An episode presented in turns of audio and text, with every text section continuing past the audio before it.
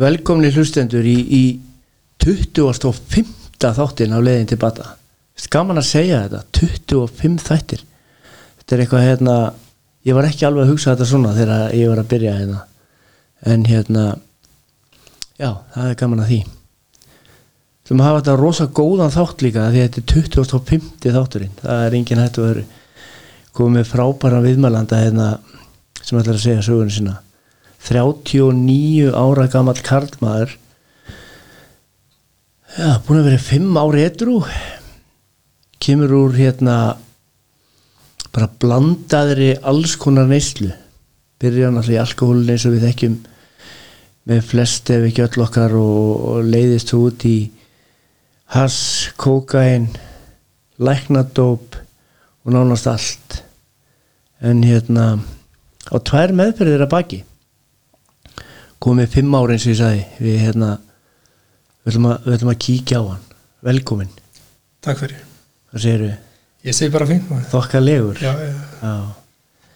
Herðu, þú þú ert ekki búsettur á Íslandi. Ég held að við getum alveg svo sem alveg hérna uppljóstar af því.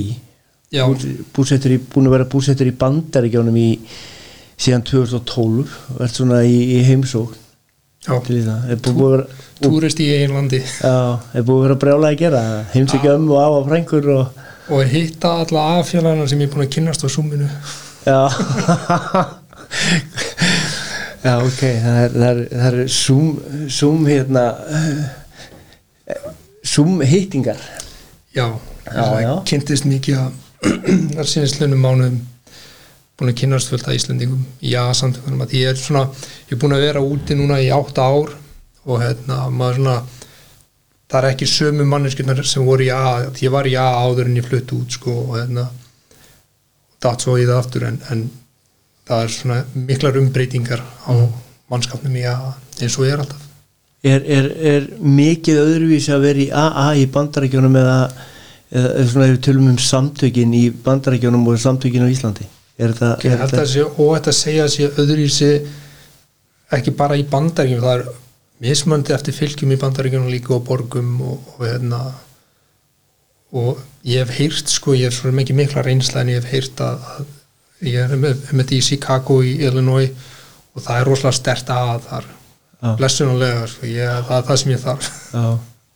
En ég heyrði að þér að, að hérna á, íslenskum aðfundi út í bæ um daginn það lítur að vera gott að komast í íslenska pontu bara á Ef við segja alveg svo er, þá er það bara svolítið skrítið að tók mér smá tíma til að venjast í að ég er sponsaður upp úr bókinu á ennsku og ég er sponsaður að stráka upp úr bókinu á ennsku þannig að þessu hugtök og veist, þetta er aðeins öðru í sig skilur og maður ég þurfti stundum að, að hérna, fá að fara að sleppa svolítið á ennsku þetta er að koma ok. svolítið tilbaka núna sko, því ég er búin að vera duglegur að fara á íslensku fundina á súminu Já, en, en þetta tók mér smá stund sko, að, að venjast þessu. Og veist, það var skrítið að að ég tala meira sjálfströsti þegar ég tala íslensku en þegar ég kom að AA þá var ég svolítið öryggar í á já, íslenskunni já. það var svolítið spes en það er líka svo kannski bara með bandaríkin yfirleitt, það er allt starra í bandaríkjónum það er allt stórtar. Já, minna heimadildi mín út í Chicago er að tala um að sé ekki starf á bylunum millir 200 og 300 manns Já, ok, og ég er mitt sem sagt rítari í þeirri dild og ég fekk að rita mitt fyrsta fundin á Zoom eftir að við voruð lokað úti sko. Já. Það var held ég 370 mann sem að Já, og Sátt- þú sátt- vorst að segja mér að sko það er, það er míkrabót sem að gengur um í salin bara. Nei það er ekki það er ekki svo deild nei, heim, heimadildin mín er sko stór salur sem er kirkja sko og hérna, það er bara ponta sem þú stendur upp í. Já, en það er aðri fundi sem ég hef verið að fara á sem eru með mikrofóna sem er látið ganga þetta er, þetta er allt svo stórt. Já. er stórir og miklir. En þetta er ekkert, þetta er ekkert hérna, þið liður bara vel í samtökunum úti? Já, já þetta, þetta er, þetta er æðislega, þetta er rosalega, rosalega samheilni, það er munurinn sem ég sé á, á AA í, í Chicago með við Íslandi er hérna, það er hérna, þetta er kallað þetta line of sponsorship, sem sagt, trúnamari minn, og veist, hann sponsar ákveði margar strákar skilur og veist, ég þekki sér að strákana sem að Sem að hann Pit-. Pitchin Brothers Já, og, og, sagt, og ég þekki mitt sponsorinn hans líka og sem sagt sponsorinn hans þannig að þetta eru alveg eitthvað, aftur já, er þetta eitthvað sem er látið gerast að þessi látnið þekkjast Þetta er svolítið misjánt sko en já, það er svolítið þannig skilur þú veist, ég Ok. okay. kynntur sérstaklega fyrir strákun sem að eru sem sagt Sponsi Brothers eða Pitchin Brothers já, og við höfum sem sagt að line of sponsorship meetings stundum þar sem við hittum strákanir úr línunni mm og hérna spjöllum sem eru þá ekki beint afundir samkvæmt þennan erðavinnunum en eru okkar spesfundir. Við fyrir líka á retreats og svona sko þannig að við hittumst og gerum hluti utan að mm þannig að maður mað kynnist þeim og, og svona með tímanum þá hérna kynnumst við betur og verður nánari og stóra grillvislur af af bandarískum síð já, nákvæmlega, sko, er nákvæmlega. Svín á grillinu, allt að gerast. Herðu, en hérna já, ég fór nú hérna aðeins í byrjun svona aðeins yfir, yfir söguna, þetta var nokkur rétt hjá mér ekki? Jú, ég var líka búin að skrifa þetta nákvæmlega. Hljóma eins og ég hef búin að muna þetta. En hérna, já tvær meðferðir, komið fimm ár og búin að vera eitthvað í hérna, búin að vera eitthvað í fimm ár og úrst í tvær meðferðir. Fyrstu meðferðina sem þú fyrst í tegar árið 2000 Já, bara aldamótin. Og hérna það er kannski ekki margir já það er náttúrulega margir sem að vita svo sem alveg hvað tegar er en, en, en þetta er svo sem ekkit þetta er ekkit eitthvað sem er þekkt í dag endilega sko. Ég held að þetta sem komið inn á spítala núna sko, þetta var sko leggur á spítalun sem var hérna á hvað segi, klapparstíg. Hérna hjá klambaratúni. Já, og hérna ég var þar sko þetta var, ég held að flest allir krakkar á mínum aldri, ég var 18 ára gammal þegar ég fór hann inn, ég held að flest allir jafnandar mínir hefur farið inn og sko farið inn á vók og svo víki eða eitthvað, ég man ekki hvernig það var þá sko en, en ég fór hann inn og þetta var ég var lang yngstur. Ég hérna tengdi ekkert svakalega við þetta, þetta var opið, ég fekk mitt helgaleifi sko, því ég var hann inn, ég held ég verið hann inn í einhverja sex vikur eitthvað þangað til að mér á endanum var kastað út sko Fyrir- fyrir að vera í nýslu það fyrir að vera neyslu inni? Já, já, já þetta, var, þetta var svolítið fyndið sko því að ég man það var einn gauran inni sem var svona yngsti á, á, á, á undan mér sko en, en var svona tölvert eldur en ég en, en hann var svona eini gaurin sem ég gætt ímyndað mér að væri svona nokkurn veginn svalur og ég hefði það nefnt að hanga með að spjalla við sko. Og hérna hann fór í helgalifi og hann datt í það.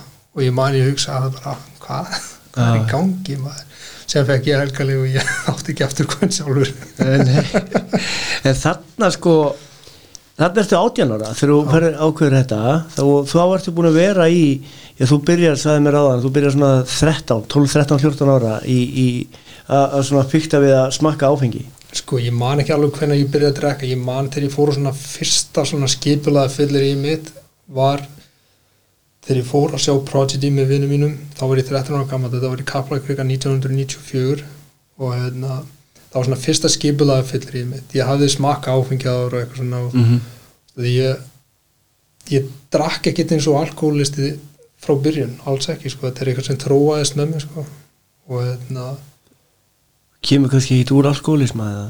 Sko, það var ekki drukki á heimilinu mínu. Ég trúi að, að faði minn faði minn drakk sér í hel á endunum sko, Mhm.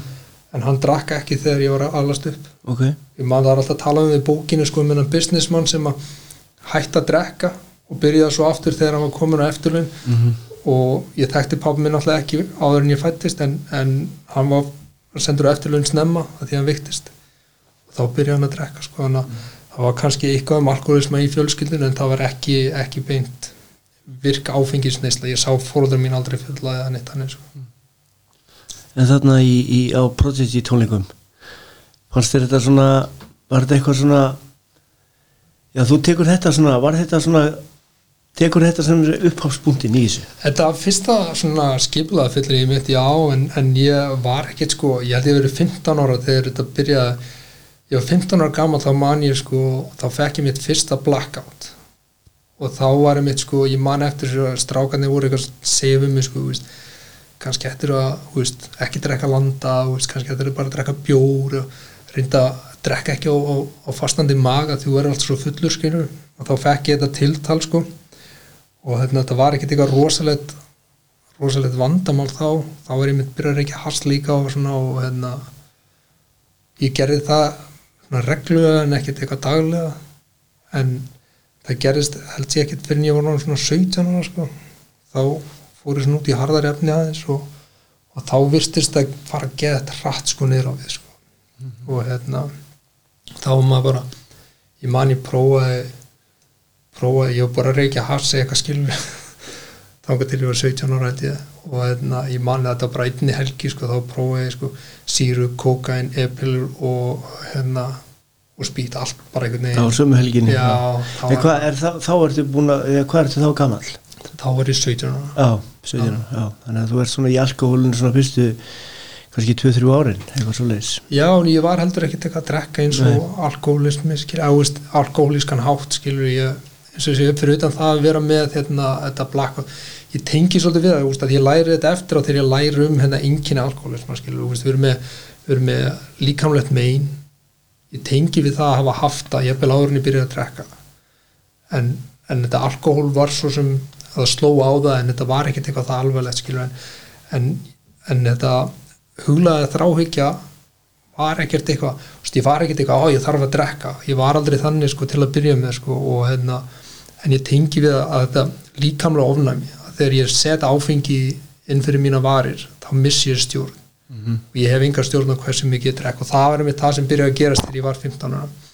Svo held ég að þetta hafi bara byrjað að þróast út frá því skilur maður sér þetta rosalega skýrt eftir á en ég sá það ekki þá. Nei, nei, veist, þegar ég var 17 ára gamall og var í Flensborgarskóla þá man ég eftir að það var hérna, námsrákjaði og þú veist, að, að það viss allir að ég var rugli skilur skólastjórun hataði mig, hann vildi reka mig og var að byggja mig um að koma í blóðbrur þannig að ég var undir áhrifum og eitthvað svona og, ég var undir áhrifum í tímum og, og hérna og hún gerði allt til að halda mér hana og hún, ég man, hún sendi mig til hérna, sálfræng á vegum bæjarins hún sendi mig í, í við, viðtal til ráðgjaf hjá S.A.A. og hún var að gera allt til að reyna að hjálpa mér sko. ég veit ekki út af hverju ég veit ekki hvað hún sá í mér og hún fannst hún til að hjálpa mér og ég tók alltaf hjálpina skilur að því annars hefði mér verið hend út að því ég var búin að falla á mætingu fyrir lungu síðan sko. og hann hafði allt sem hann þurfti til að reka mig en hún hjælt mér einhvern, veginn inn í skólanum en síðan bara fekk ég nóg og gafst upp og gekk út hvernig leiði, mórstu það, hvernig leiði þegar þú fórst að í þetta fyrsta varst neittur í fyrsta viðtalið við ráðgjafa Sko, ég, ég bara passaði mig á að segja allan sannleikan. Mér fannst ég ekki eiga heima, mér fannst að vera tilgangslust og heimskulegt og hérna, ég var ekkert á stað það sem mér langaði til að hætta. Ég var bara að skemmta mig með vinum mínum, vinum mínu voru að gera það sama og, og hérna, ég sá þetta ekki sem vandamál. Þegar ég var á þessum aldri þá, þá sá ég þetta meira sem, sko, mitt vandamál var þessi ráðgjafi og fóreldra mín og allt þetta fólk sem var að segja mér að ég ætti við vandamál að stríða ég sá það þannig skilu mm -hmm. ég er ennþá í skóla ég, ég er ekkert, ég býð ekkert á götun eina vandamáli er að þið eru að ángra mig skilu, mm. ef þið myndu bara að hætta að skipta ykkur að þá, þá væri ekkert vandamál. Tókst þér þetta mikil að það myndast?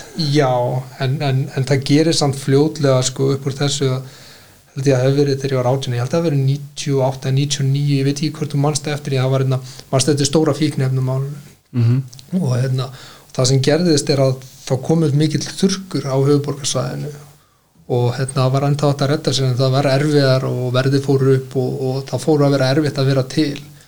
Og hérna ég man alltaf að sumari 99 held ég að það hefur verið svona seinasta góða sumari hjá mér í Nýslu ég fór á hróaskjaldum með strákunum og, og hérna það var rosalega gaman og við partíum mikið skiluru og hérna skemmtum okkur og en síðan í lók sumarsins þá fóru bara vinni mínir flest allir bara aftur í skóla og verður læknar og lögfræðingar skilur en ég einhvern veginn gæti ekki gengið frá partíinu sko.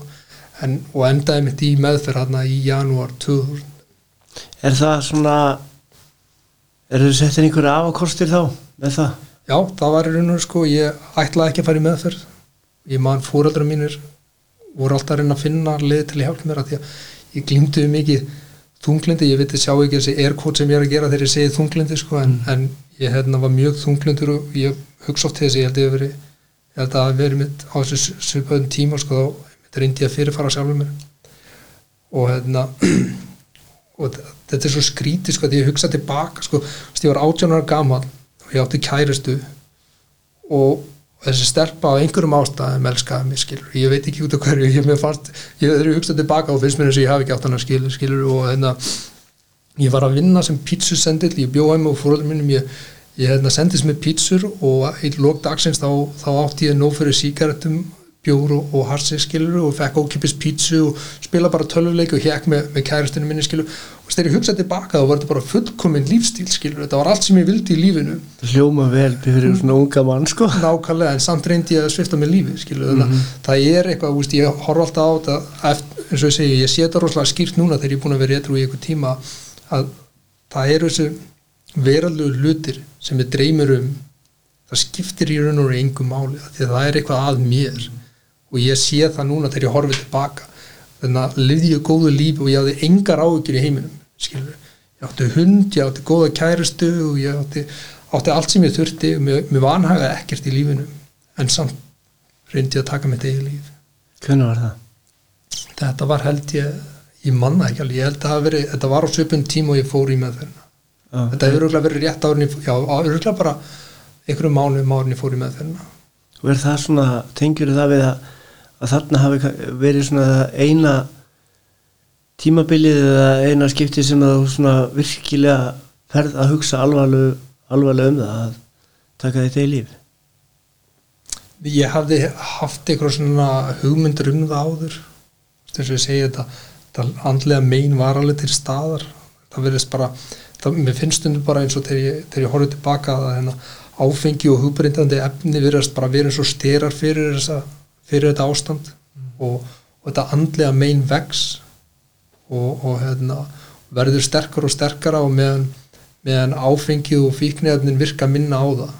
Ég veit ekki hvort það er hvort það meinir sig að stækka eða, eða efnin að verða auðmari en, en það var einmitt það sem að var að gerast að, að, að hérna, ég er búin að leita í áfengi og efni í öll þessi ár til að deyfa mig fyrir þessu hérna, ástandi.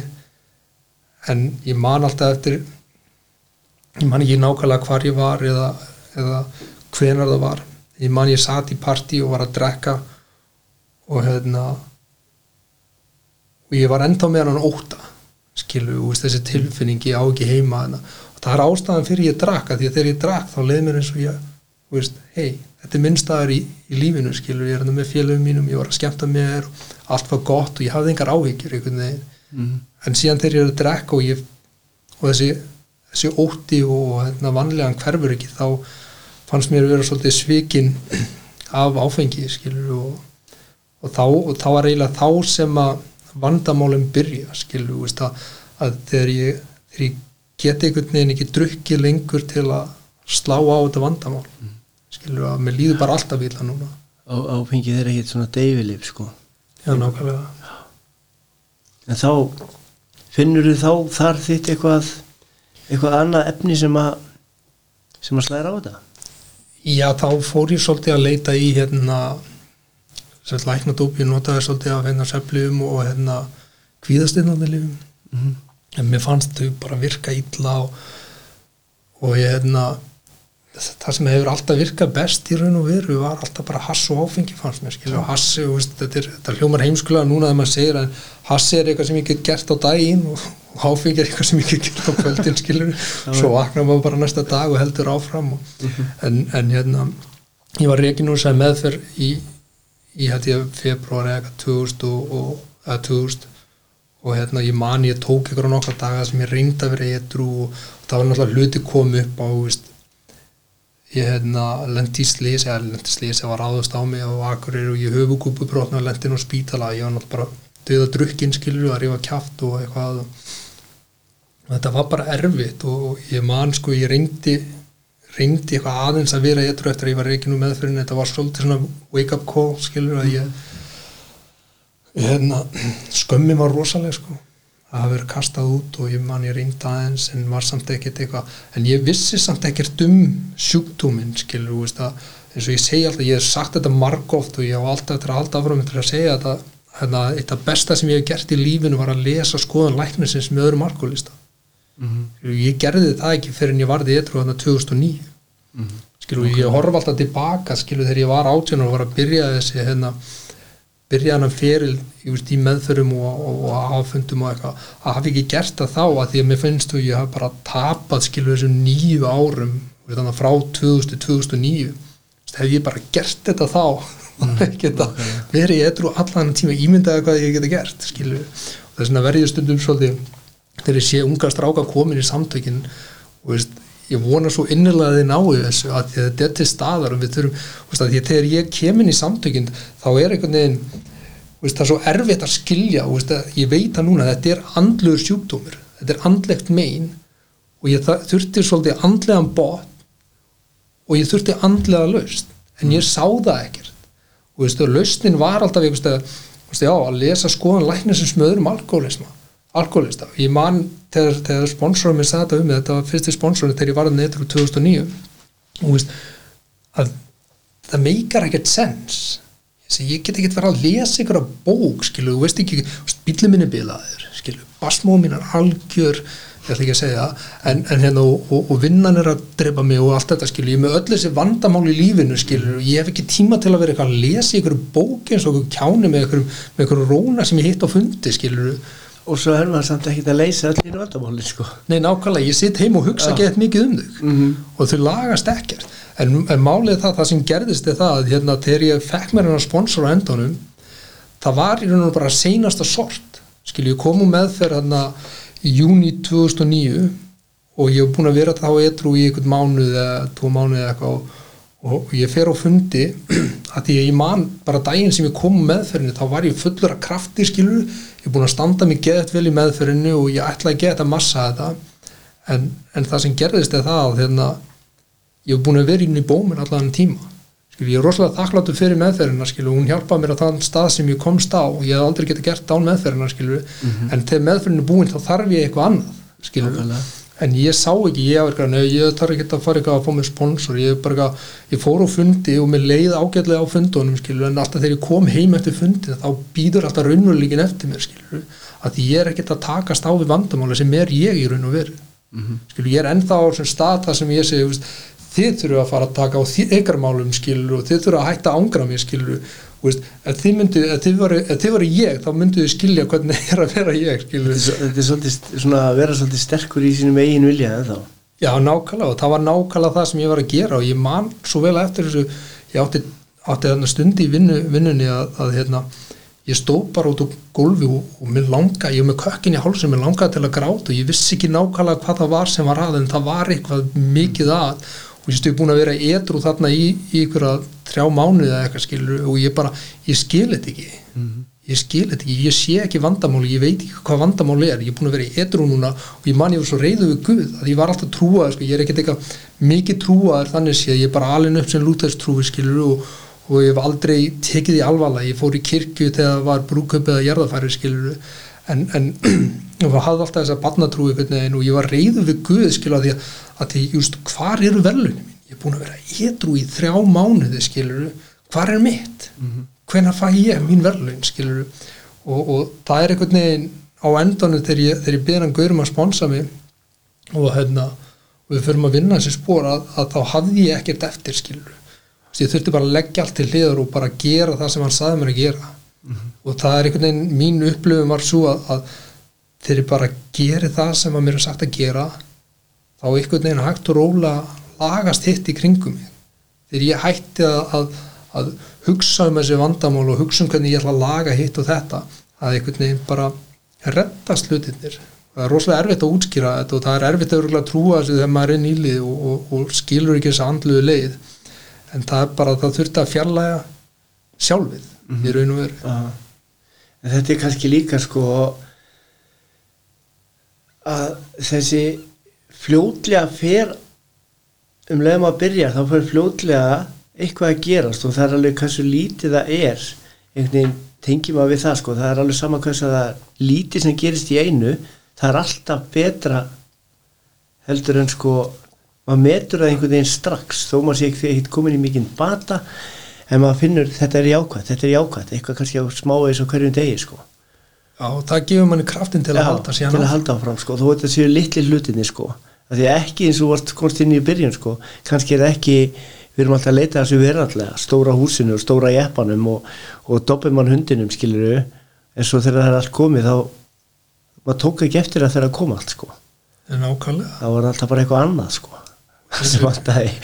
eins og ég hef sagt, sagt marg oft áður sko, þegar ég, ég veist, ég detti í það þarna 2012, rétt árin ég flytt til Chicago og ég flytt til Chicago og ég man ég sagði við sjálf mig sko, og þetta er ekkert mál, þú veist alveg nákvæmlega hvað það gera þú fer bara, komin út bara new start, new life mm skilur, fer bara aftur í samtökin þú veist alveg hvað það gera, bara er sponsor og fer að vinna spórin, en það tók mig þrjú ára að rata aftur inn í samtökin, skilur að þetta er huglæg og sjúkdómi, skilur og þetta er hausinn á mér og, og ég fer að segja sjálfur, nei, nei, þú er svo gáðaður maður, þú veist alveg hvað þetta gera skilur, þú ert rosalega andlugu gaur, andlegur en flestir og hóvar líka.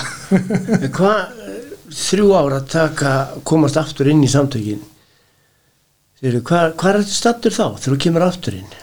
Ég, ég veit ekki þetta var, þetta er bara eins og ég segi ég hef, ég hef átt marga botna í lífinu og ég segi alltaf sko, veist, það var eitthvað sem saði um botninu bara það sem hættir að grafa. Og ég tengi rosalega við það því ég á það til að, að, að finna mig á einhverjum stað þar sem ég líður hræðilega og, og hérna ég er búin að gera eitthvað að mér og allir eru reyðir og ef maður stendur einhvern veginn bara upp og, og dustar af sér og, og dettur í það einhvern veginn og, og mínir botnar hafa alltaf verið sko botnarnir sem ég hef lent á sem hafa komið á stað þar sem ég þurft að gera eitthvað í mínum málum hafa alltaf verið andir það er þannig skilu þegar ég, þegar ég fæ þess að hugmynd þegar ég, þegar ég átta mig á því að ég get ekki gert þetta sjálfur að ég þarf að fá hjálp. Og það er, það er eitt af erfiðasta sem ég ger í lífinu það er að byggja um hjálp. Mér finnst mjög óþægilegt að byggja um hjálp. Ég vil ekki byggja um hjálp að ég finnst að ég geta gert allt sjálfur. Og mér finnst það vandræðilegt að þurfa að fara lappa upp að einhvern og segja hei getur þú hjálpa mér skilur og ég vill það helst ekki en, en ég þarf að gera það. Þannig að Svo maður komin á þann stað að maður er ekkert að hugsa um að taka sitt eigi líf maður gerir tilhörn til þess sko. Já, þannig að þú veist þá maður komin þangað sko. Er, var það eitthvað sem að svona, var það einhver örvætting í því eða eitthvað svona, sérðu þarna ok, nú verði að gera eitthvað? Sko það var náttúrulega var eitthvað, sem að gerðist- hrættur við það Nei, ég bara satt best að segja og var þetta bara auðvöldasta liðin, skilur að ég held mm. en það var svolítið þannig ég átti að með á því að maður deyr ekkert svo auðvöldlega það verðist einhvern veginn vera þeir sem vilja deyja, deyja ekki af auðvöldlega og, og, og þeir sem vilja ekki deyja deyja, skilur við, ég er búin að vera í þessum heimi og samtökum edru og neyslu í mörg ár eins og ég segi frá veist, 94 og hérna náttúrulega í mismiklu magni náttúrulega alltaf en, en, en ég held ég að verið 19 þegar ég misti fyrsta neyslufélaga minn í eina sjúkdóm. Að hann, hann dó og hérna og síðan þá hefur það verið svona reglulega, veist, það verðist alltaf verið 1-2 á á ári sem deyja beintið og beint úr þessum sjúkdómi. Hvað gerir þú til þess að taka þetta í líf? Ég, ég hef bara, ég skar mig á púl skilur og ég vissi ekkert hvað ég var að gera það sést hérna. Ör, örvar. Ör, sést ör, ekki en íslenskar hún er léleg. En, Nei, nei. en ma maður sér ör eftir þetta og ég, þetta er eitthvað sem ég ber en, en ég vissi ekkert hvað ég var að gera blessunulega, skilu, það vissi ekki rétt að leiðin. Ég vissi bara ekki betur. En ég man samt alltaf eftir þess að ég var upp á spítala sko, og að vera að sauma saman á mér hendurnar þá var, var hjúgruna fræðingurinn og kona á aldrei við móðu mína og hún hefur glátt börn á, á, á aldrei við mig. Og ég man hún var rosalega dramatísk og veist, hún átti rosalega erfitt með að horfa upp á þetta og hún saði við mig sko, veist, hvað er það svo, í lífinu svo slæmt sem farið til að gera eitthvað svona? Og ég, ég man sko mín viðbröð voru bara þú myndir ekki skilja það þú myndir aldrei skilja það sko, þú hefur séð það sem ég hef séð skilur og upplifa það sem, sem er náttúrulega bara ruggla þegar ég horfið tilbaka eins og ég var að segja á þessum tíma það var ekkert að í lífi mínu. Og ég er svolítið á hennar hlið ákvarðat núna þegar ég hugsa tilbaka. Ég skil þetta ekki.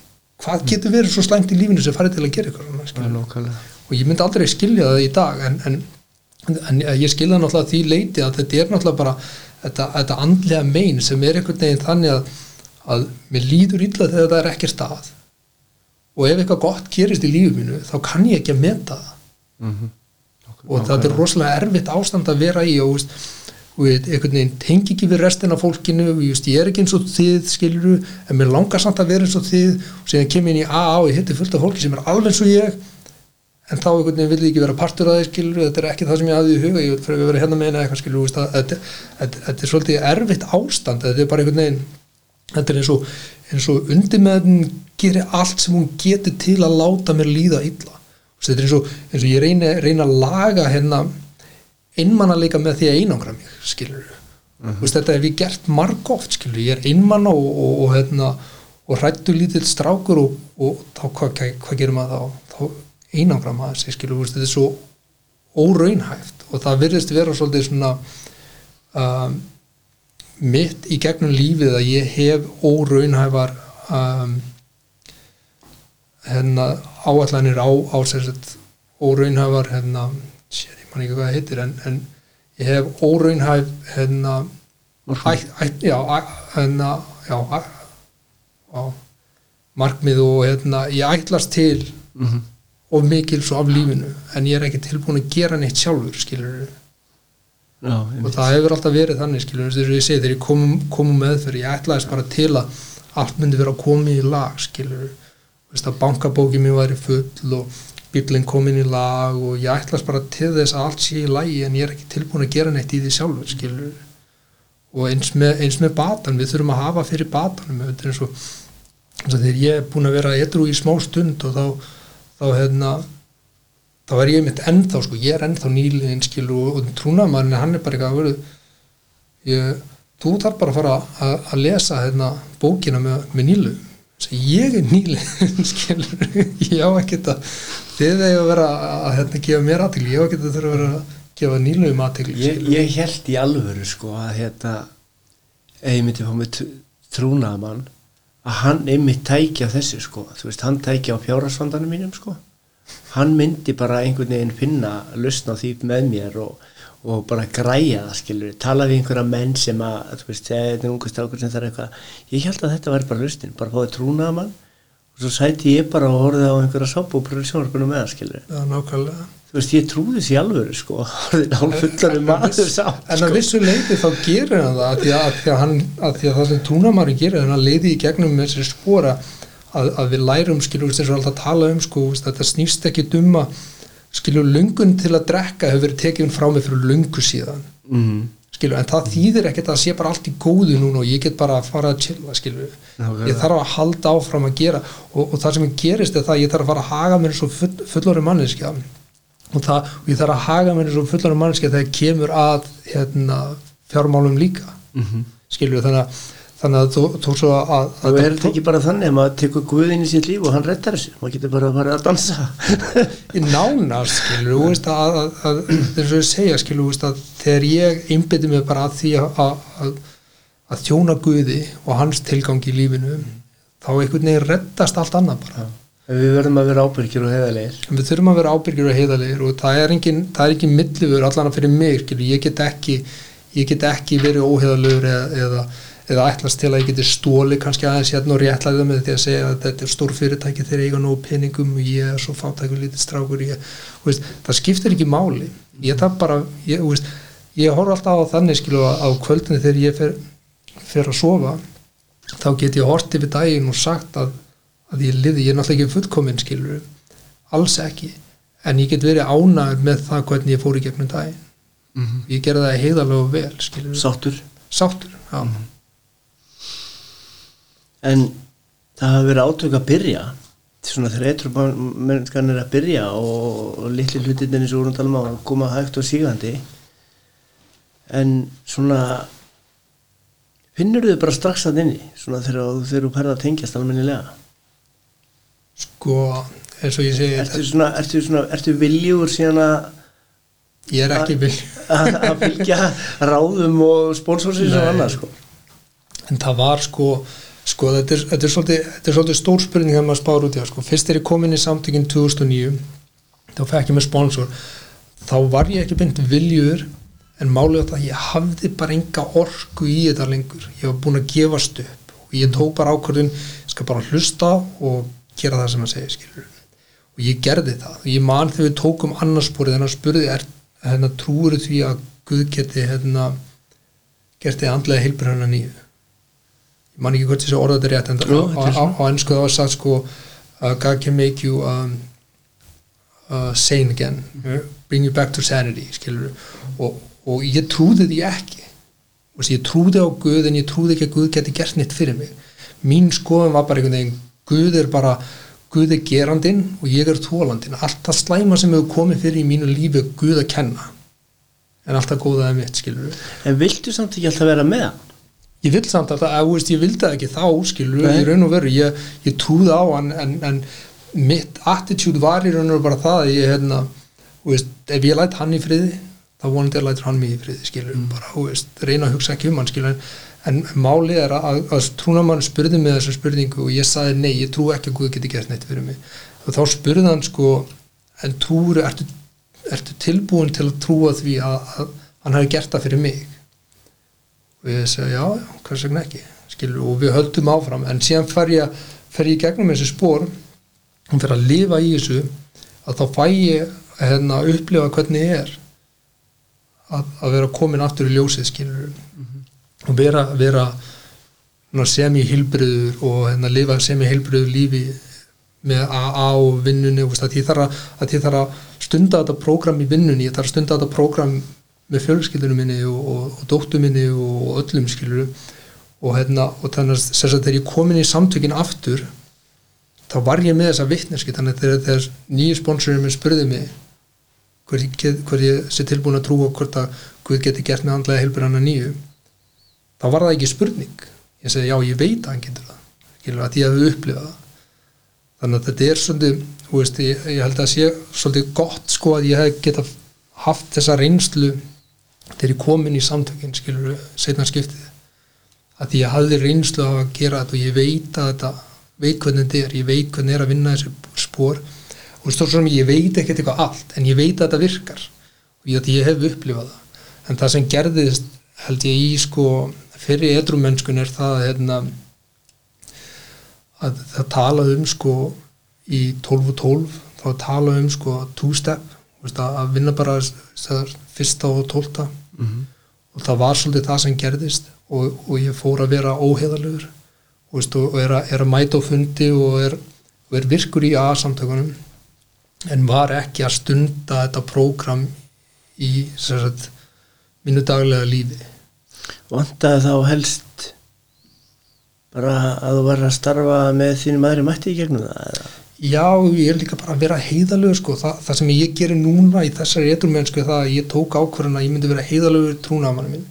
Og heiðalögur er ekki endilega bara að segja satt, heldur líka bara að segja frá hlutunum sem ég þaga, mér langar að þaga um, skilur mm -hmm. veist, því ég man, sko, þegar ég var að ringa í trúnamann þá var það bara, veist, hverju er ég tilbúin að deila með trúnamannum mínum það, að því ef ég segja honum hvað ég virkilega að hugsa og hvað ég er að gera, skilur á daginn, þá á þetta eftir að vera langt síntal, en ef ég segi bara að ég er góður þá sleppur þetta tíu mínúti þá er þetta tíu mínúti símtal þannig að ég tók þessa ákvörðun að vera heiðalögur því því að það sem gerðist er að ég hérna, fór út í ákveðin lifnar átt og hérna og það fylgdi þessu svolítið hérna óheðaliki og hérna og maður er ekki að taka guð með inn í þetta en síðan er maður náttúrulega heiðalög þegar maður kemur á fundu og eitthvað svona en, en, en síðan er þetta alltaf þessi, þessi hliðaskil þegar ég gef guð líf mitt þá þarf ég að gefa um allt mitt líf ég get ekki satt bara eitthvað ok, þú mátt taka hlutin eða verið já, þú mátt taka brennivíni skilur, mm. en ég ætla samt að hérna, halda varum að selja fíknefni ég ætla, ég ætla að vera hérna kvennafasar eða, eða, eða, eða gamla eða veist, hvað það er skilur, veist, ég þarf að taka guðin í allt lífið skilur og það er það sem ég ger í dag. En ég veist smáatri líka stundum bara eins og sem maður að, að, að downloada myndum skilur á netinu eitthvað skilur sem er kannski eitthvað stór mál og margir gera en á ákveðnum tímapunkti að þið segja sko að þessi leið verður alltaf þrengri og þrengri skilur mm. það verður alltaf heiðalegur og heiðalegur skilur. Á einhverju tímapunkti þá er alltaf stærri og stærri próf. Já nákvæmlega á einhverju tímapunkti þá þurfti bara að hætta að gera það. Og núna þarf ég að borga fyrir streaming veitur sem sem, sem ég, sem ég downloada horfi og streyma hérna, tónlist og, og myndum skilur. og hérna, þetta er bara smáatri og að að mér líður betur með sjálf með þegar ég gera það því ég veit að ég er heiðalögur á þessu sviði skilur, og ég reyna að vera heiðalögur á öllum sviðum mér veist ekki þægilegt að ljúa eða stela og ég var mitt alltaf jável þegar ég var í neyslu ég var alltaf með sterka hérna, hérna réttlætiskendi, mér leiði ekki vel að stela og ég vildi ekki stela en stundum það var bara engin önnu leið Mhm. skilur, stundum þurfti maður bara að gera það sem maður þurfti að gera og, og mann leiður rosalega illa með það Mhm. Já.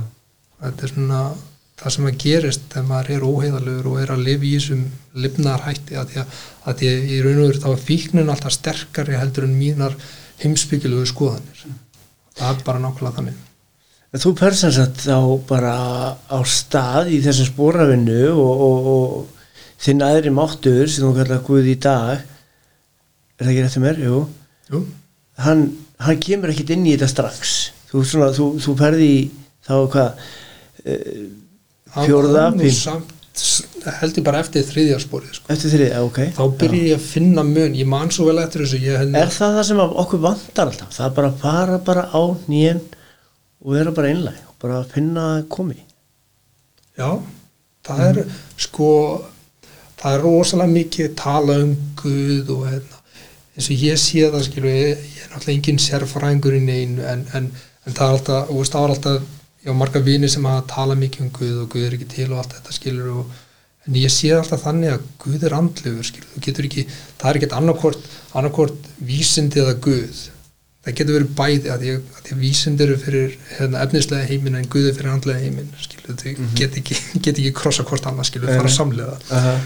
Það þannig sem ég sé það og hérna, ég upplifi Guð oft í gegnum annað fólk. Skilur þú veist að, að hérna, er ég einn með sjálfu mér þá finn ég kannski ekki mikla tengingu við hann en ég finn samt einhverja tengingu að ég, að ég stundar náttúrulega bæn og huglegslu en hérna maður, maður finnur þetta rosalega mikið í í þessum herbyggjum sagt, að, fundunum skilur að það er svo mikið af fólki sem er að við erum öll að gera það sama og, og vera til hjálpar og hjálpa og þetta gefur mér stundum svolítið innblástur og maður fer út í, út í heiminn eins og ég sé það alltaf sko að, að hérna, ég er tjóðguðus eins og ég sé það skilur það er bara mitt hlutverk. Ég er náttúrulega líka eiginmaður fadir, sonur og bróðir og vinur skilur og, hérna, og ég þarf að sinna öllu þessu en ég fyrst og fremst þá þarf ég alltaf að hafa Guð í öllu sem ég ger og mér finnst það svolítið vera sem amaður eða, eða talsmaður andlegs prógrams þá finnst mér stundum eins og ég þurfa að vera til fyrirmyndar. Að hérna hvers konar myndir ég að senda út í heiminn skilur, hvað sér fólk þegar það sér mig skilur, að því að að því ég hef alveg upplifað að vera vera edru og vera kannski ekkert í góðum bata. Og veist hvað er ég að gera þegar ég er ekki á fundum skilur Mhm.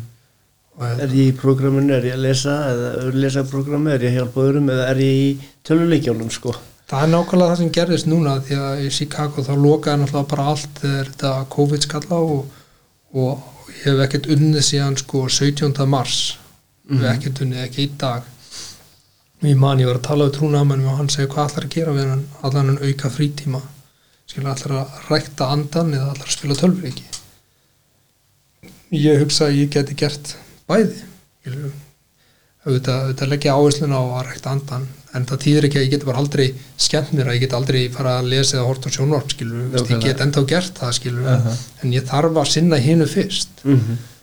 og ég var svolítið heppin sko, það var þannig sem ég tengdist inn í samtökinu á Íslandi er að, að hérna, fimm tíma munur á klukkunni á Chicago og, og Íslandi á sumrin. Og hérna og ég vakna alltaf snemma á mótnana sko, þannig að ég vakna yfirleitt með því 5 og 6 og þannig að hátegisfundurinn er alltaf klukkan 7 á mótnana hjá mér þannig að ég fór alltaf, ég byrja alltaf dagina að fara á fund klukkan 7 á mótnana og byrja daginn þannig Aha. þannig að, og, og þetta hjálpaði mér líka eins og ég, ég oft sko, ég, það er kannski ekki allir sem tengja við þetta þetta er eitthvað sem ég gerir sko, ég, ég tengi hérna óreglu veist, að ég, veist, að það er hægt að vera í óreglu án þess að vera í skilur, og ég tengi svolítið óreglu við neysluna. Svona reyni ég, reyni ég að hafa svona rútínu. Við erum skott að hafa rútínu og það hjálpa mér skilur Er hann ekki svolítið möðsileg okkur svona þeir minna þeir kenna þetta í öllum, öllum meðferðum sem þú ferði í skilur Mhm. og þetta er, bara, þetta er bara mín reynsla. Mér líður betur skilur að ég, ég vakna eins og ég vakna, ég er komin á fætur fyrir sjö nei fyrir sex.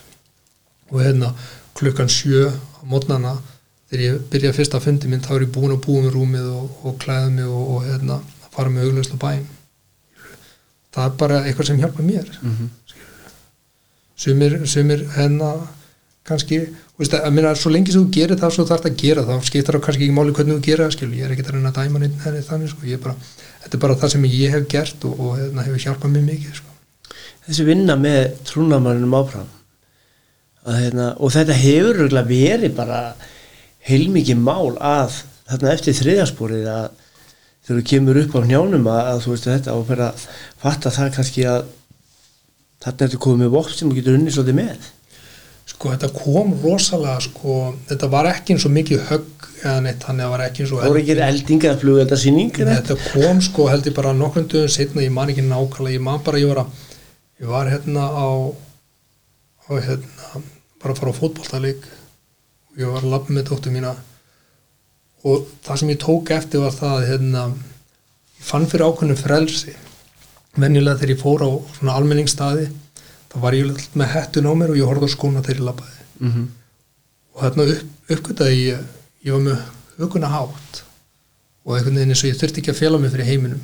Þetta var rosalega rosalega sagt um, lítilvæg breyting en þannig fann ég fyrir ákveðnu frelsi. Og ég hugsaði að er, það er eitthvað að gerast skilur, ég þarf að halda þess áfram. Og, og það sem tók við var náttúrulega bara að skrifa þetta fjórðarspor og, og hérna þá fann maður svolítið svona þegar maður fer í fymtaspori sko með, með sponsornum sko þá Vinnulistanum og færð að, færð að sjá sko ég man, satt að segja ekki alveg nákvæmlega hvernig það var þegar ég gerði þetta þarna 2009 en ég man ég gerði þetta aftur 2015 með sponsornum mínum sem var þá og hann skrifaði sér niður sko lista yfir að character defects sem ég kalla það er skapgerða bresti mm -hmm. og hérna og það komur svolítið óvart skilu að því að, því ég man alltaf úr, ég er reyður eða ég er gramur eða óttaslegin, þetta er svona þessir áberandi gallar sem við höfum mm -hmm. en síðan er líka fullt af öðru Á, alls konar stöfið þetta inn á milli. Já, til að vera svolítið kaldur uh -huh.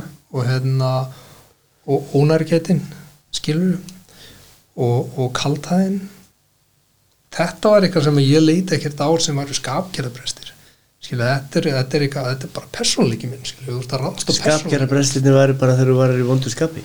Já, það ég sáða svolítið þannig skilur, þetta er eitthvað sem ég geri og hef alltaf gert sem ég leiti á sem kosti að því að, að ég var rosalega sniðu sko, eins og ég segi, ég einangraði mér rosalega mikið að því að, að því að gremja er vandamál hjá mér. Mm -hmm. og einu lausn við, við því vandamáli er að takmarka fólki í kringu sig. Að ég hef ekki mikið fólki í kringu mig. Nei. ég er rosalega einfaldur þegar kemur á svona lausnum. Ef ég bara ef ég hef bara að fá í kringu mig þá eru minni líkur að ég verði gramur skilur Já, ok. það er bara þannig sem ég hugsa Þú ert ekkit gramur út í sjálfa þig ég var gramur út í Guð. Já, og ég var rosalega gramur út í Guð þegar að kom mér í, í þetta og hvernig komið var fyrir mér. Þetta var svolítið, ég var svolítið þetta fórnalam skilur, ég trú ekki að það komið svona fyrir mér skilur, veist, að greiði ég Mhm. skilur, og veist, ég horfði í kringum ég lifði góðu lífi skilur, ég ólst upp á heimilið það sem að það sem að móð mín var heimavinnandi. Pappi vann svolítið mikið en hann var samt alltaf til staðar skilur, ég með vanhaga ekkert, við vorum ekki rík en við vorum ekki fátæk. Mhm. ég átti allt sem ég vantaði. Ég átti frábært fjallahjóli. Finnst bara ást og kærleik bara uppalinn með það? Já, kannski ekki mikil ást og kærleikur við erum svolítið köld fjölskylda sko, þannig að er við segjum það ekki. Mm -hmm. en við vitum það. Skilur man, manni mitt með ömmu mína sko, hún var, voru svona mikið kaldar personur í, í fjölskyldinu og ég man ég var alltaf svolítið hrættu ömmu mína.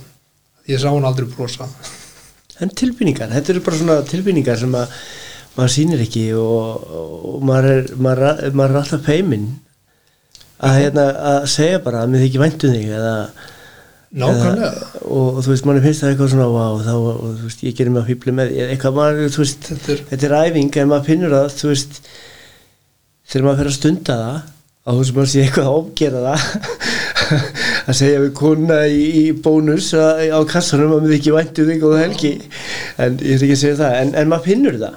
Og þetta, hvað þetta gerir manni gott og hvað þetta hleypir bara öðru á stað einhvern veginn. Og já, allan að sko, sko ég eins og ég er búin að vera með tvo sponsora núna þessa, í þessari eitrum fyrir sponsora minn flutti í annað fylki í bandaríkjunum.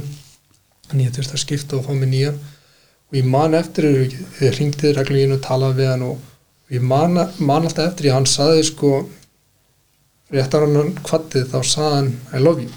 Já, og ég bara eitthvað fannst það svo vandræðilegt ég held já bara vandrarlegt að taka á móti því mér þess að sko, ég var vissum hann hefði gert það óvart. Þetta er svona eins og þegar maður var strákur og maður var í skóla og maður alltaf að kalla á kennan og maður sagði orð mamma já, já, já, ég man eftir þetta væri sinnum nákvæmlega, ég held að þetta væri svoleiðs moment. Þetta er auðvitað sem maður segir við kona sína hvert skipti sem hann skellir á. Þannig að ég bara, letið svo ég hef ekki heyrt þetta og sagði bara bæ en síðan gerði hann þetta aftur. Og það, þá var þetta að fara að vera svolítið vandralið síðan áttaði mig á því sko að fólk segir þetta við hvort annað. Og þetta var Bandaríkjunum? algjör- já, og, það, og þetta var bara algjörlega nýtt fyrir mér. Og mm -hmm. eru svolítið hlýr sko. Ég hafði svolítið að ranga, ranga mynd á bandaríkjumunum sem, ég sé í bíómyndunum og svona að ég er hann í miðvesturíkjunum þeir eru aðeins lýrið þar heldur en á austurströndinni. Og hérna þá voru bara allir rosalega vingjallir og almennilegir sko. uppbyttar að einhvern tímann er á þessari spórugöngu þegar verður var við það þegar svona tilfinningarna losna bara einhvern veginn og og einmitt þessi kannski þessar, já, þessar tilfinningar að þú mátt sína tilfinningar sko þú tilfinn mátt vera meir og maður má bara vera svona meir og já, það er hérna mér er alltaf fundist bandaríkja með að vera vola vænir. Þetta er aldrei að horfa þetta raunuleika sem var það sem allir voru grátandi og var alltaf rosalega swap-story þessi backstory hjá þeim sko að- og gerði mikið grínaði sko.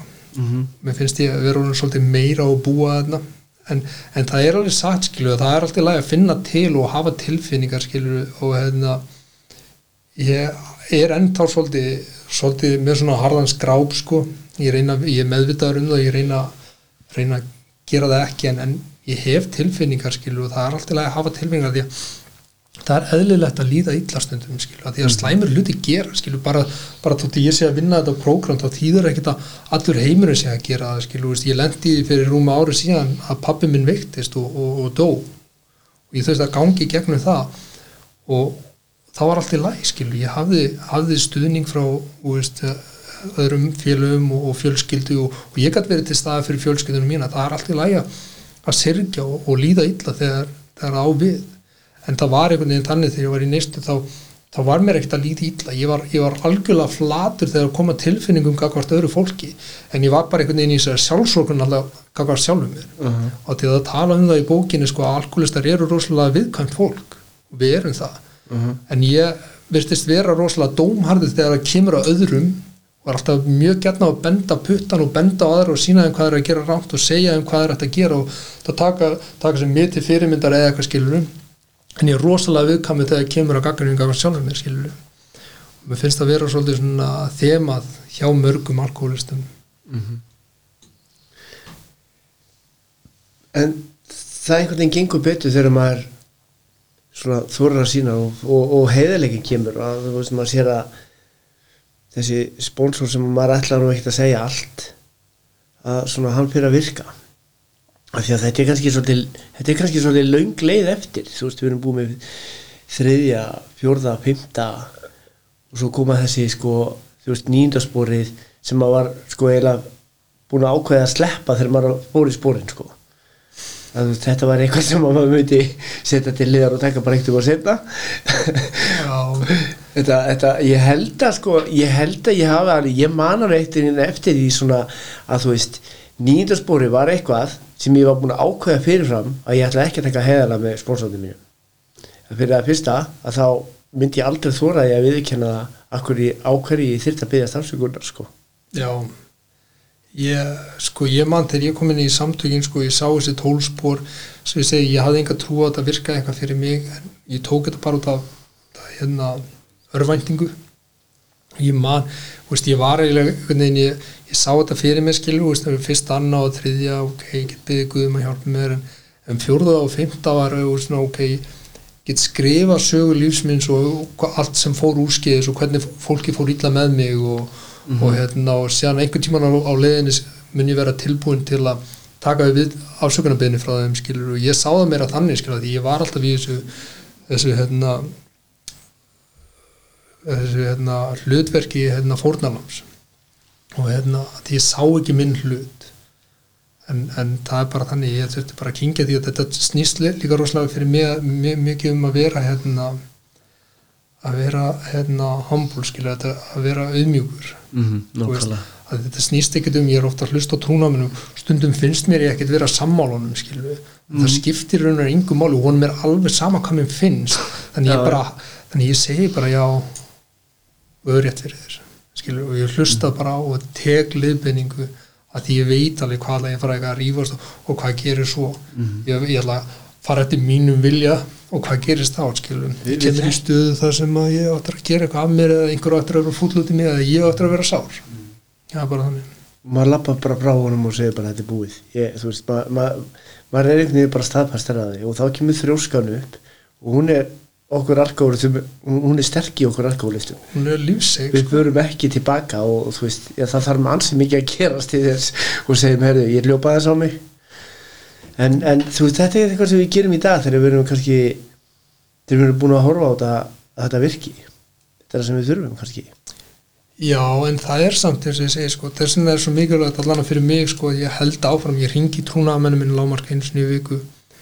og ég tala við aðra affélag og ég fer á fundi og ég er með þjónustur að ég, ég á svo auðvöld með að gleyma, skilur, að ég, ég fer ekkert út úr AA og verð bara orðin gangster sama dag, skilur, það gerist ekkert þannig, það byrjar alltaf bara, að ég fer svona aðeins eitthvað, byrja óheðalugur, skilur, kannski tala bara við stelpunar eða eitthvað, skilur, í staðan fyrir að vera hugsa um nýleðan, skilur, og veist, svo byrjar það kannski byrja kannski að downloada myndum eða skilur við síðan byrja að downloada Já, tónalegu já. myndum og, og síðan femma bara svona hægt og rólega skilur og hérna fólk að það setna bara niður að liða og svona. Já nákvæmlega og síðan allt í hennu þá bara þá maður farin skilur Mhm. og veist, það, því maður sér þetta ekki sjálfur því þetta gerist hægt. Þess vegna er svo mikilvægt fyrir mig að því ég byrjast vera með blind spot þegar það kemur á mínum eigin hérna, skapgeraprestum uh, hjálpa mér rosalega mikið þetta tíundarspor og þetta tala um að gera spot check Já. yfir daginn þegar við lesta í 12 og 12 Mhm. það hjálpa mér rosalega mikið að því að ég stoppa stundum bara á daginn veist, því ég þú veist, er í umferðinu eitthvað og er farin að steita nefa eitthvað skilur að þá stoppa við þessu út af hverju veist, hvað máli skiptir það skilur, hvað, hvað er í gangi? Ég að bara skipta um agrein skilur, þú átt ekki þessa agrein skilur, ég get stoppað sjálfa mig að, og hérna, áður að fyrir eitthvað lengra en síðan koma líka alveg dagar þar sem ég kannski eldi gaurin og fer að blikka hái ljósunum aftan á hann skilur og flauta á eitthvað skilur. En, en svona almennt þá þá, þá er þetta en þannig að- okkur verður á. Ekki mér. Nei, ekki þér. Þú veist svona fullkomlega bresta laus Nei, okkur verður á, það er bara þannig skilu, veist, eins og ég segi, ég, ég er giftur. Blessanlega tala kona mín ekki íslensku þannig að hún á aldrei eftir að skila það sem ég er að segja en, en hérna við erum með þýðanda, vorum að ráða þýðanda hérna en hérna allan að þá, þá er það þannig skilu, ég þarf að ég er í samskiptum við kona mína eða viðskiptavinni eða, eða hvað það er og, og það er ekkert allir með sömu skoðanir Mhm. skilur og hvort þessu pólitískar skoðanir eða trúarskoðanir eða, og, veist, og ég þarf bara að virða það skilur og ég ég reyni eins og ég get en stundum er bara erfitt að halda aftur þessir þeir tala um restrain of pen and tongue ég var að afsaka ennsku slefnar ég en, en þeir tala um þetta mitt sko að, að þetta er veist, ég hef þetta í dag oftast. Þá get ég tekið skref tilbaka tekið djúpan handa og satt bara ok, ég vil kannski ræða þetta betur setna skilur en það kemur náttúrulega líka alveg fyrir að maður segir bara, heyrðu og hérna kemur það og kemur runan um allt sem að mér hefur búin að langa að segja það senstu daga skilur Já. það gerist. en, en það, það er sjálfgæft skilur og það er einmitt það góða við þetta skilur það, eins og ég segi, það snýst ekkit um það snýst ekkit um, ég er ekkit í dag eitthvað, ó, blíð skoðu guð, hjálpa mér að fara eitthvað og sofa, að, ég, að þessi löngun til að drekka hefur verið tekin Nei, frá mér og þetta er það sem ég er að díla við í dag er að hvernig haga ég mér utan að samtakana, hvernig haga ég mér í samskiptu við konuna mína eða dóttu mína eða basmóðu mína eða, eða vinnuveitundur eða hvað það er skilur og það er það sem mann skiptir mestu máli og ef ég get, eins og ég segja, ef ég get, get farið sáttur að sofa á kvöldin með hvernig ég hagaði mér í dag þá er það ákveðin vörn gegn þessum fyrsta sopa. Og ég held nefnilega sko það sem ég gerðist þegar ég datt í það þarna 2012 að það, ég lendi í áfell eða ég lendi ekki í áfell eða, þú veist, það var svo manneskja sem var mér mjög nálæg ná, að nákomin hún var myrt á, á róttafingin hátt. Og það var rosalega erfitt og eins og ég segi, það er í lægi að, að hafa tilfinningar skilur en þarna var ég bara á þeim stað ég er búin að vera óheðalegur ég er búin að vera að gera hluti sem ég átti ekki að vera að gera og komir í aðstæður sem voru heimskular og, og etur manni ekki sæmandi mm -hmm. ef, ég, ef ég er maður sem að segist ganga á Guðs veg þá er ég ekki að gera þessa hluti sem ég var að gera þá mm -hmm. og hérna og þannig að ég, ég var í etrú en til leiðu eitthvað kemur upp og þá var þessi tveil hluti sem ég segi sem að voru að gera það þessi manneskja var, var myrt og ég var að flytja til bandaríkjana sem var svona svolítið stressvaldur. Og ég dett náttúrulega ekki í það bara því að þessi hlutir eru stressvaldur ég dett í það því að ég er á þessari braut þegar þessi hluti gerst þá hef ég ynga vörd gagvart fyrsta klassinu Þú ert búin að og það eins og ég segja svona eins og segið, þú ert búin að opna rennubröðina skilur búin að opna rennubrautina nákvæmlega. Og það sem að gerist eins og ég segi hérna, byrjun, byrjun ásins 2019 var rosalega erfitt ár fyrir mig. Það voru margir hluti sem að gerist Veist, ég, ég fór í bakinu ég var, var frá vinnu í, í viku og hérna og var rúmlikjandi heila viku. Svo veikist pappi minn og ég þarf að fara, fara til Ísland ég man, ég keipti bara one way ticket skilur og, og hérna því ég vissi ekki alveg hvað var að gera mér að hann væri bara við döðans styr skilur og, ég þurfti að takast á við allt þetta ég trú ég kem tilbaka til Chicago og hérna þá dó skjálpaka mín skilur ég átti þess gæludýra skjálpaku mm. og, og eitthvað klest á bílið minn og kerið svo í burtu. Og þú veist, ég er að díla við alla þessu hlutu þetta kemur allt á einhverjum sex vikum. Allt þetta saman gerist á einhverjum sex vikum. Og þetta voru rosalega erfið tíma og sérstaklega því ég var að ferðast þurfti, og svo, svo dópafinn einmitt þarna á þessum tíma líka. Og ég þurfti að fljúa aftur til Íslands og missa úr meira á vinnu. Þannig að þú veist, ég var, var ekki að þjena og, og maður fann að hafa áhugjur fjárhastlega og skjálpakandáin og pappidáin og og, og, og, hérna, og þetta var erfið tími, ég átti rosalega erfið en máli er að ég var á góðum stað í prógrami, ég var heiðalegur og var að stunda þetta prógram. Hvað þeirra svona þeirra svona geng- ganga yfir? Eða svona, svona bara hlutir? Þú veist, þú missir pappaðinn, skilur, sem er sem er stórt. Og þú veist, þú missir skjálpökunar sem er líka stórt örgulega, maður á hana sem gælu dýr en þú veist, það er þessi ápöll sem að koma og svo komaðu öll með árs komið tíma okkur um x tíma hvað gerur, þú veist sumir, maður hefur átt hýrt þetta sko þá bæti ég við í prógraminu. Eða þú veist, þá fer ég bara stunda fleiri fundi eða þá fer ég að þú veist, gefa í að því að ég virkilega þarf þess, skilur sko, ég tók enga ákvörðum þannig séð, ég held að þetta séð er alltaf að tala um uh, foot soldiers, sér að fótgönguliða, skilur veist, þegar ég kemin í A, þá er mér kent, farð á fundi mm -hmm. þjónusta, gerðu þetta og þetta og þetta. Og maður gerir þetta bara blindandi án þess að spyrja spurninga.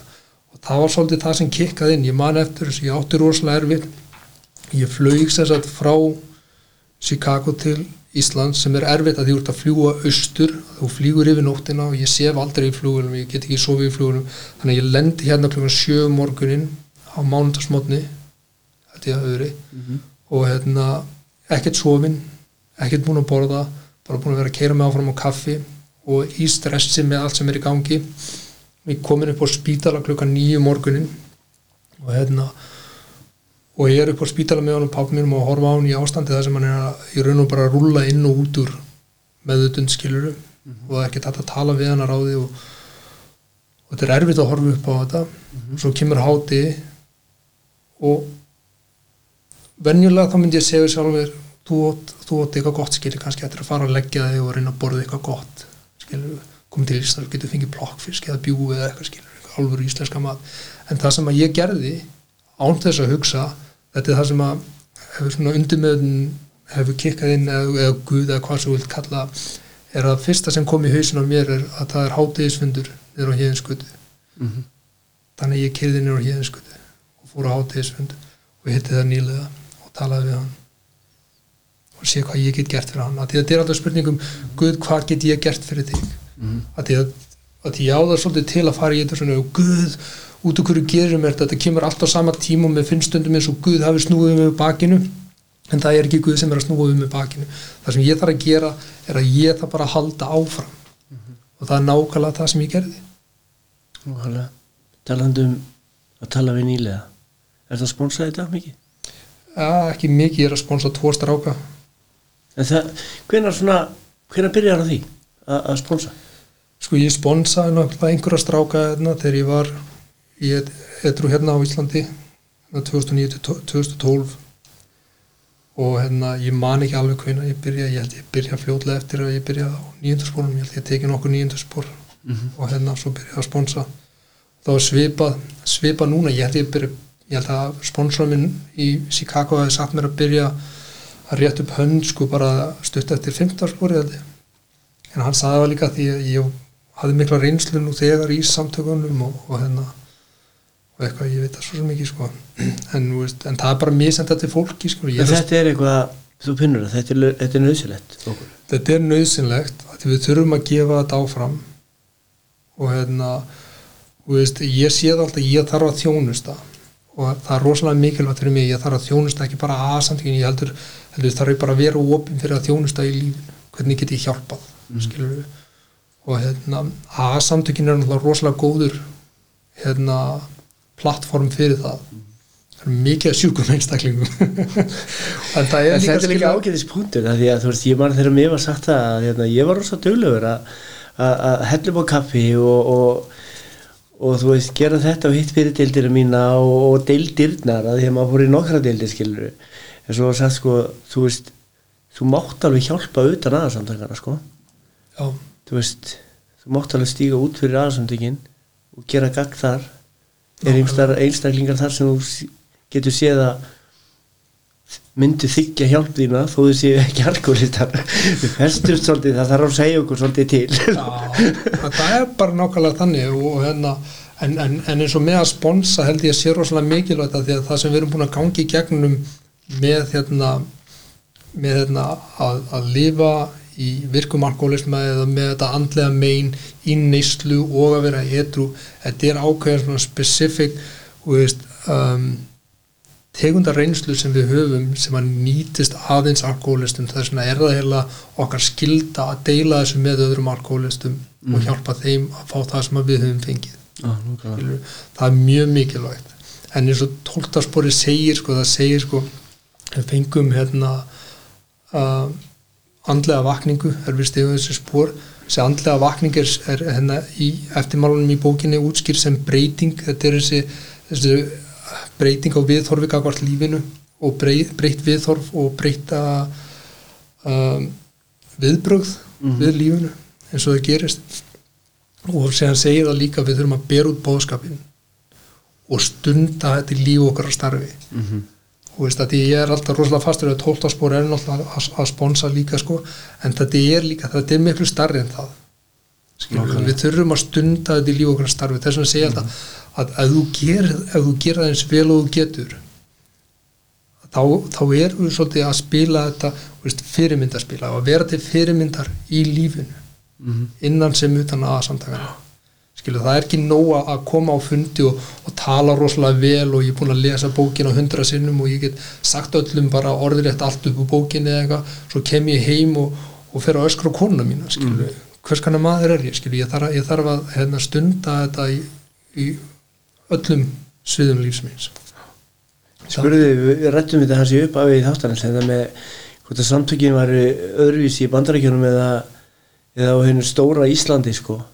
En hérna en að sponsa, sponsar á íslensku í dag eða íslenska stráka vegna, eða var Æ, ekki eins og ég er skilu veist, það er ekki það að ég geri það ekki ég bara, ég hef ekki hef ekki verið beðin af íslensku strákum eins og ég segi ég er bara hérna í heimsókn núna og er það öðruvísi?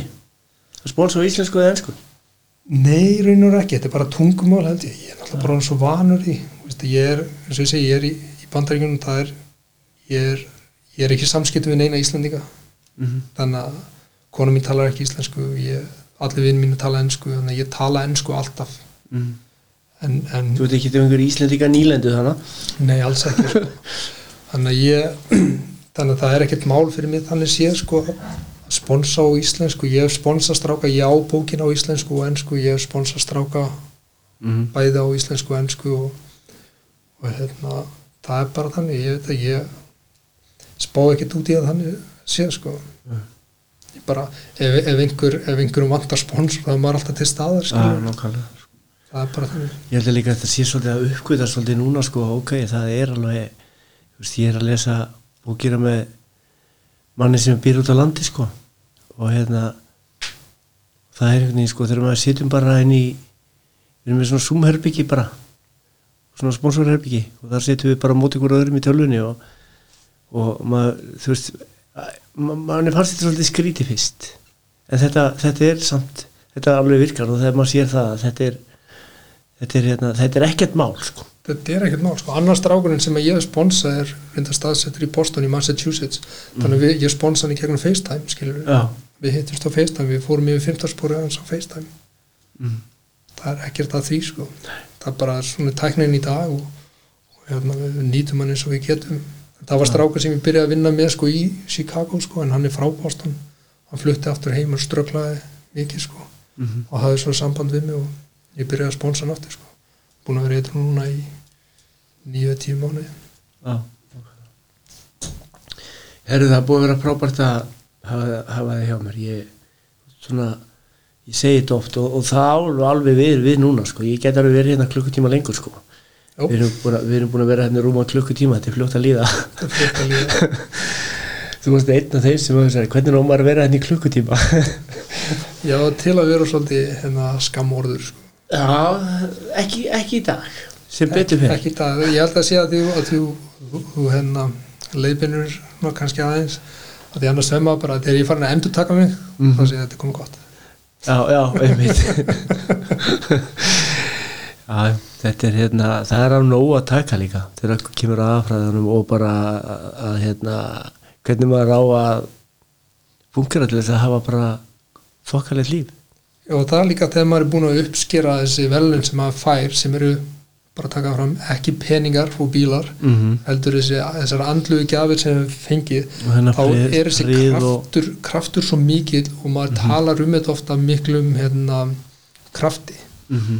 og veist, ég er oft hann sko, ég hef oft verið á fundi sko, og það bent á mig og ég beðin um að tala eins og um daginn, þá fór ég á fundi ég bara beðin um að leiða og það var fimm myndir í fundi eða eitthvað og ég að byrja á því að segja og sko, mér finnst ég að hafa ekki neitt að segja því ég er búin að vera að tala svo mikið upp á síðkasti síðan bara femma bara á rand og byrja, byrja bara að tala sko. Þegar maður er komin á stað þá Já. kemur þetta bara eins og flóðbylgja stundum sko, því þetta er svo mikið og þetta, þetta er svo stór partur af lífi mínu skilur, ég segi ég þarf að setja Guð fyrst og ég tengist Guði í gegnum samtökin.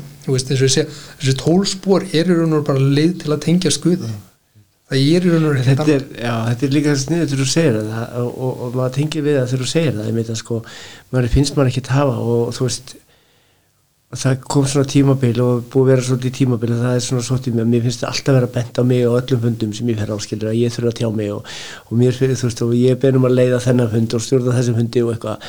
Og, og þú veist og endur bara heyrðu, vistu það og mér dettur það í huga það sé verið að ganga á tankin á mér skilur að allt í einu standi ég uppi bara ég er búin að segja allt sem ég hef að segja. En svo er bent á það þú gerir það aldrei, þú klárar aldrei á skilur nákvæmlega. Allt er bara dr- drullar og þegið og halda fram að gefa á þetta yngur það er ekki að þessu væli og það er eins og segir, maður fer á stað og það kemur bara. Það kemur bara. Þegar maður er heiðalöfur þegar maður er heiðalur að því að eins og ég segi, þú ert- að stunda þetta fyrir utan fundina. Mm -hmm. að því ég man sko þegar maður er komin í samtökin sko, flest allir eins og ég skilur, og ég er ekkert alltaf heiðalegist í maður þannig ég á erfitt með að trista fólkinu þegar ég kemur inn skilur Mhm. ég sé alveg einstaklingar sem ég kannast aðeins við skilur ég er ekki alveg þennan gauður skilur og hann er eitthvað að tala um eitthvað guð og eitthvað ég veit það ekki. Já, en það er bara þannig staldraði við þú ert nýr og kemur inn í samtökin staldraði bara við og þú munt fá að upplifa þetta skilur við græðum ekkert á þessu. Ég er ekkert eitthvað er eitthvað að fá einhverja prósendur frá samtökunum skilur til að veita nýliðin og gödunum skilur þetta er bara að ég veit að ef ég verið þarna sjálfur og ég sá enga lausn eins og fyrir mig þá var það eins og það segir í bókinni er alkoholísku dauði eða andleg leið. Mhm. fyrir mér þá var það bara dauði skilur við, það því að andlega leiðin ég sá það ekkert sem lausn. Þess vegna er það mikilvægt að ég geti hjálpa kannski einhverjum að átta sig á því að þetta er lausn og þetta virkar. Skilur við, veist, og ég var á fundi í, í hátegin í dag og það var mitt maður sem að tala um þetta hann sem ekki tala frá fyrstu persónu. Það var aldrei reynst með vel að, að, að segja fólki hvað er að þeim og hvernig það laga sig heldur getið bara að tala út frá minni eigin reynslu og kannski tengiru kannski ekki. Við vonum það versta. Já, okkar. Flott loka orð Takk hérlega fyrir að koma. Herri, takk fyrir að hafa mig. Að hérna geggja hvað hérna og þegi bóðið og búið að vera frábær klukkutíma og korter. Og hérna þið hlustendur góðir endilega hérna ef þið hafið eitthvað tengduð eitthvað við söguna í dag og, og, og viljið tengjast viðmælanda mínum endilega sendið mér skilabúð það er alveg þetta tengingur einhvern veginn áfram. Þanga til bara eins og venjulega endaði þetta bara eins og venjulega. Farið vel með ykkur. Nummer 1 og 3 takk takk